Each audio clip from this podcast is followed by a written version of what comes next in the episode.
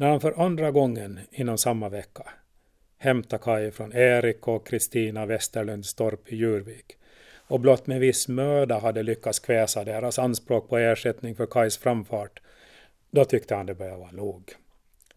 Det var alltid brydsamt att förhandla med man och kvinna samtidigt, eftersom han brukar tillämpa så pass skiftande taktik beroende på motpartens kön. Den varma och förstående Karl för kvinnorna och den rapptungade överdängaren Friman för männen. När de sen uppträdde i par som Westerlund blev hans vanliga kurtiserande ton mot kvinnorna svår att riktigt föra till blomstring. Men inte ville han heller ge sig in på verbalt orrspel i kvinnosällskap. Dels förstod de inte riktigt koderna och dels riskerade han att solka den Karl Friman han hade skapat just för dem. Så han hade tvingats krumbukta sig inför paret och sånt passade honom inte. Frustrationen fick gå ut över Kai som fick några rapp av repändan som han leddes i och en straffpredikan på vägen ner till båten. Ja, din satans drummel.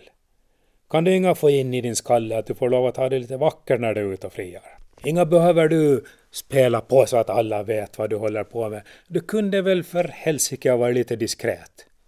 Nu gör jag päls och olja av dig och resten får bli till åtel så jag får skjuta bort de där holis havsörnarna som lurar på hönsen våra. Uppifrån stugfönstret betraktades det av torparparet och Erik muttrade medan han tände snuggan.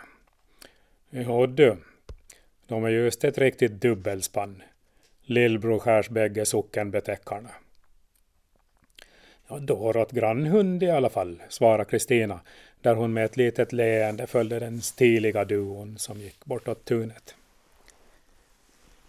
Nere vid stranden mötte han en pojke som klev i land från sin eka, barfota med ett gevär i ena handen och en död gråtrut i den andra. Vill du ha en hund pojke? hälsade Friman. Prima jakthund, och vakta och valla kan han också, lydig som en god hustru. Jag känner honom, svarade pojken. Han är snäll, men morsan och farsan släpper inga in honom hos oss. Inga? Vems pojke är du då? Vad heter du? Karl Westerlund heter jag.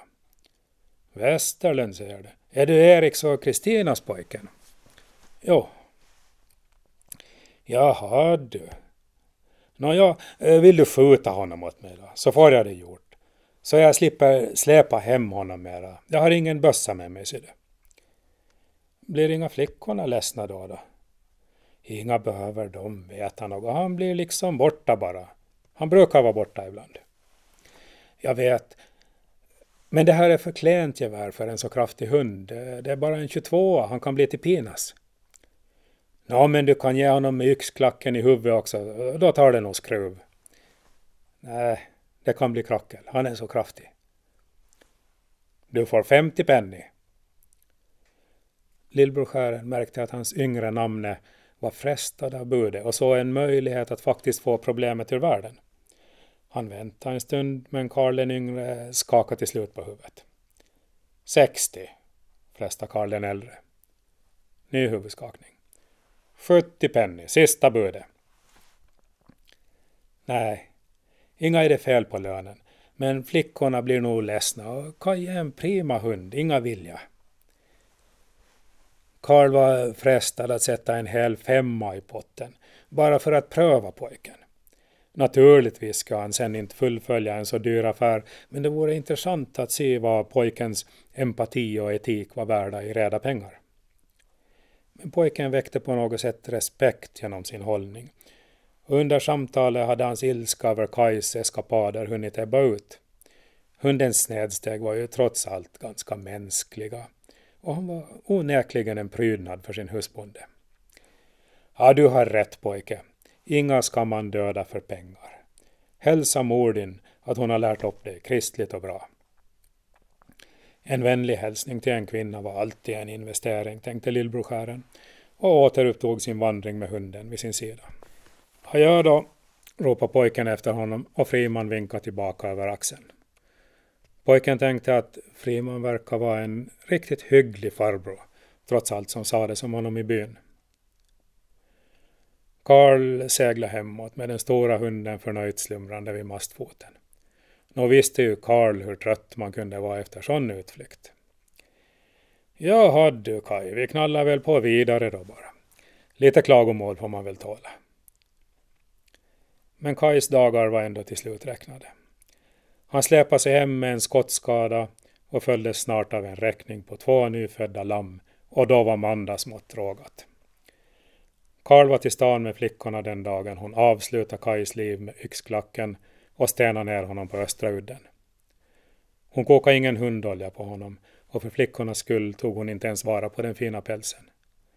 De fick tro att han till slut blivit borta på sin stråt. Friman hade stannat längre än planerat på Ösel. Nya förtjänstmöjligheter hade dykt upp när orgelläktaren stod färdig och fru Linas man hade fortsättningsvis haft sina utsocknesärenden. Så Karl trakterades allt som oftast med måltider hos henne. Bodde för övrigt bra ombord i Korsares hamn och skaffade sig efterhand riktigt intressanta varor i returfrakt. Lönen var visserligen lägre på den baltiska sidan än hemma, men varorna var istället så mycket billigare att arbetet kunde bli givande bara man ägde förstånd att omsätta förtjänsten i de rätta varorna. Makarovsäckarna med rågmjöl var liksom Rottermans vetemjöl, lika billiga i Estland som de var högt värderade hemma. Det lät sig alltså göras att motivera hans förlängda utlandsvistelse i ekonomiska termer. Men detta var en ganska ovidkommande del av sanningen. Ty Carl Friman hade framförallt varit rädd för att komma hem. Alina ansågs ju alltför ung att få barn. Hon borde ovillkorligen ha uppsökt en fosterfördriverska. När han nu inte hade lyckats få flickan med till Stockholm borde han helt enkelt ha fört henne till Mattas Hulda, som eh, trots att hon kunde vara lite slarvig, ändå brukar lyckas avbryta dylika processer.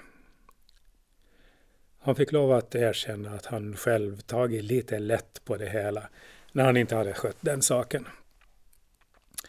Hon var ju för ung för att själv ha fullt förstånd i sånt och nu hade hon satt honom i en brydsam sits.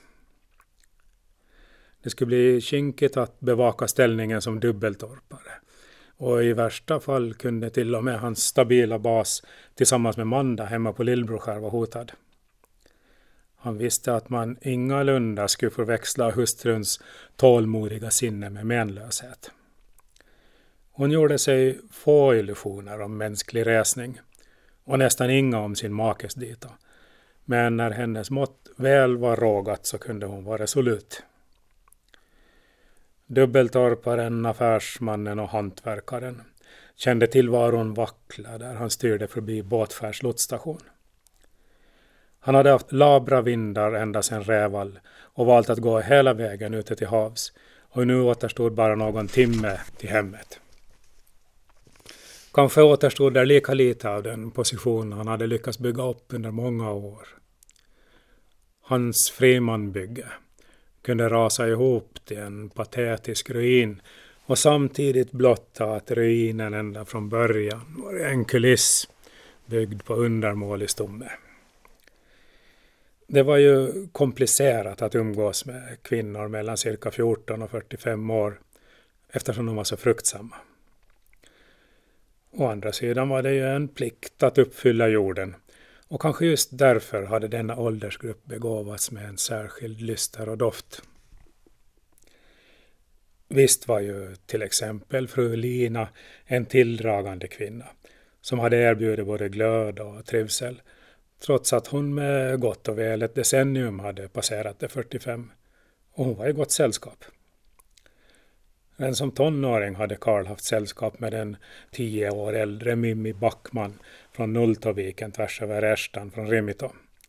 Och det var ett förhållande som hade stått sig genom åren.